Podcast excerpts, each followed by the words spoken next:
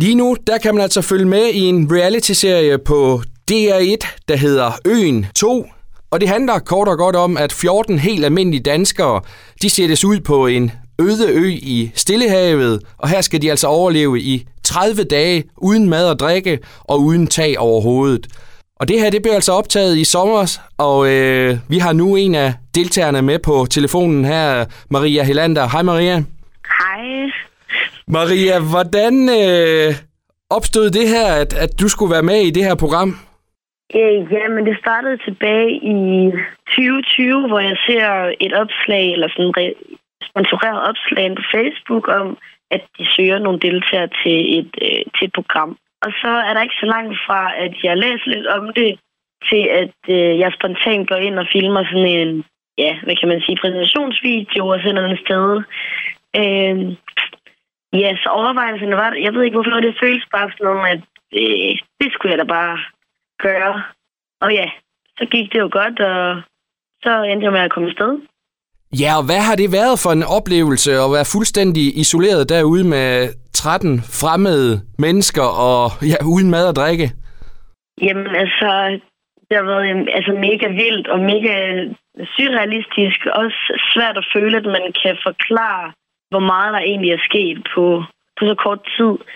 Altså, for en ting er jo at komme ud blandt fremmede mennesker, man ikke, man ikke kender. Øh, og en anden ting er så, at det jo bliver så mixet med ingen mad og vand og ja, en masse stressede situationer. Så man kan sige, at det var jo en vild oplevelse, fed oplevelse, men mega udfordrende. Er der undervejs i de her 30 dage, Maria, hvor du tænker, hvad fanden er det, jeg har meldt mig til her overhovedet? Altså, det tror jeg næsten alle har tænkt. Altså, jeg tror i hvert fald mindst en gang om dagen, så man sådan, hvad har jeg gang i? Eller, øh, hvad, hvad foregår der lige her? Så det tænker jeg er meget normalt, øh, når man ligesom er i et ja, habitat, man overhovedet ikke er vant til, og ja, man faktisk nogle gange er i tvivl om, hvad man overhovedet har gang i. Og vi er jo vant til at se det her reality-tv herhjemme. Der er jo blandt andet Paradise Hotel og også Robinson, som minder lidt om det her. Men hvor meget var, var det opstillet, eller var det virkelig sådan, som, som det foregik derude?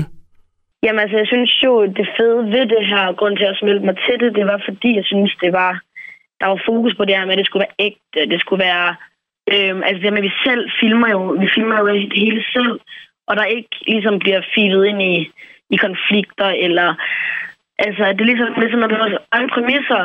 Øhm, og det er jo sådan, at vi, der er jo ikke nogen kontakt, der er jo ikke nogen fra produktionen på øen. Det er jo kun os selv derude. Så jeg vil jo sige, at altså, det er jo så ægte, som, altså, som det kan være øh, i min optik. Altså, vi, vi filmer det, vi ser, det vi oplever, det vi føler. Øhm, hvilket også var derfor, jeg kunne se mig i et program som det. Og afsnit 6, den øh, kan man jo opleve øh, i aften på, på DR. Øh, hvordan er det at se sig selv på, på tv og ja, være som man, som man nu er i, i sådan en situation her? altså, det er totalt... Altså, jeg sidder jo lige så klistret fast foran skærmen hver torsdag. Altså, jeg er jo, det er jo sygt angstprovokerende. Ikke for det første at vide, altså, der sker så meget. Man har fortrængt noget, som man bliver mindet på, når det bliver sendt. Men det er jo også bare, øh, ja, vildt at se, se, hvordan man ligesom fremstår, og hvad man siger, og hvordan man ser ud, og ja, altså jeg synes egentlig, det, jeg er sådan ret tilfreds med, med sådan min egen præstation indtil videre, men man er jo nervøs hver torsdag for, om sker der et eller andet helt slukket eller sådan noget. Er du så blevet klogere på dig selv? Øh, har, har det givet dig noget som, som menneske at, at være med i det her?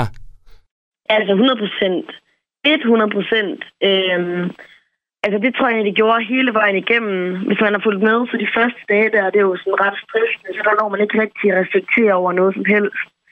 Øhm, men der kommer jo lidt mere og mere ro på, øh, og det gør jo også, at man altså, vi får mere sådan en stabil hverdag med struktur og med, jamen, lad os sige, træ over hovedet og så videre.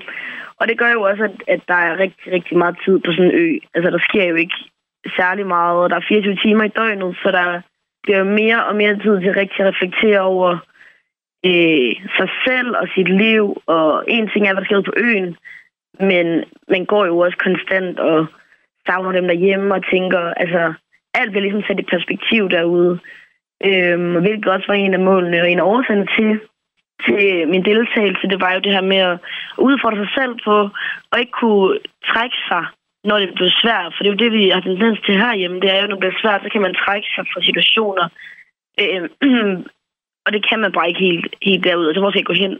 Jeg vil godt gå ned ad stranden, men når jeg kommer tilbage, så er, er det der ligesom stadigvæk, ikke? Så ja, jeg har lært mega meget om mig selv, og er altså, altså vildt glad. Altså, det er stadig noget, jeg reflekterer over ja, hver dag, tror jeg faktisk. Der kommer hele tiden nye, nye sådan, refleksioner. Øh, så det er stadig super givende for mig selv, efter at det var i sommer, jeg var afsted. Ja, fordi til daglig så læser du jo faktisk til socialrådgiver på uh, UC Syd her i, i Esbjerg. Det er jo noget helt andet, men uh, vil du gøre det her igen, hvis uh, du, du fik muligheden? Ja, altså, ja, det er jo bestemt noget helt andet. Øh, men altså, nej, jeg vil, jeg vil ikke gøre det igen. Altså, det var virkelig, virkelig hårdt. Det var fedt, jo, men jeg har virkelig... Jeg tror ikke, jeg ville kunne få det samme ud af det i en omgang to. Altså, den, det, jeg ligesom har lært om mig selv, øh, og så den oplevelse, jeg har haft derude i, i sæson 2 her, det, det har været altså, federe, men også hårdere end, end forventet. Og jeg tror, at man... Ja, jeg tror, jeg har det sådan, jeg stopper, mens lejen er god. Been there, done that, men skulle ikke tage en omgang mere. Og Maria, bare lige til sidst her, altså nu dækkede jeg jo eksempelvis kommunalvalg i sidste uge, hvor vi interviewede en hulens masse personer der gik uh, klappen fuldstændig ned for mig uh, under et af de interviews der. Kender du også til, til det? Ja, ja. Hvis du, ja, der var jo en episode, hvor at jeg ikke... Uh, jeg, det, jeg, til mit forsvar, så er jeg jo super dehydreret, og jeg har ikke fået vand, jeg har ikke fået mad i flere dage. Og så uh, kan jeg ikke uh, huske, hvordan man siger, at græsset det er grønnere. Er det det, du hentyder til? Lige præcis det, jeg hentyder til, ja. Skal vi ikke lige prøve at høre, hvordan det lød, da du gik uh, helt koldt på tv? Er jeg ved at dø, eller hvad? Krydset af grænder på den anden. Krydset af gra... Krydset grænder på den anden. What the fuck? Krydset af grænder. Grænder i krydset. Krydset af grænder. Græsset af grænder. Grænder. Altså, er jeg fucking FK i hjernen, eller hvad? Græsset. Græsset er græn. Græn. Græs. Hvad fuck?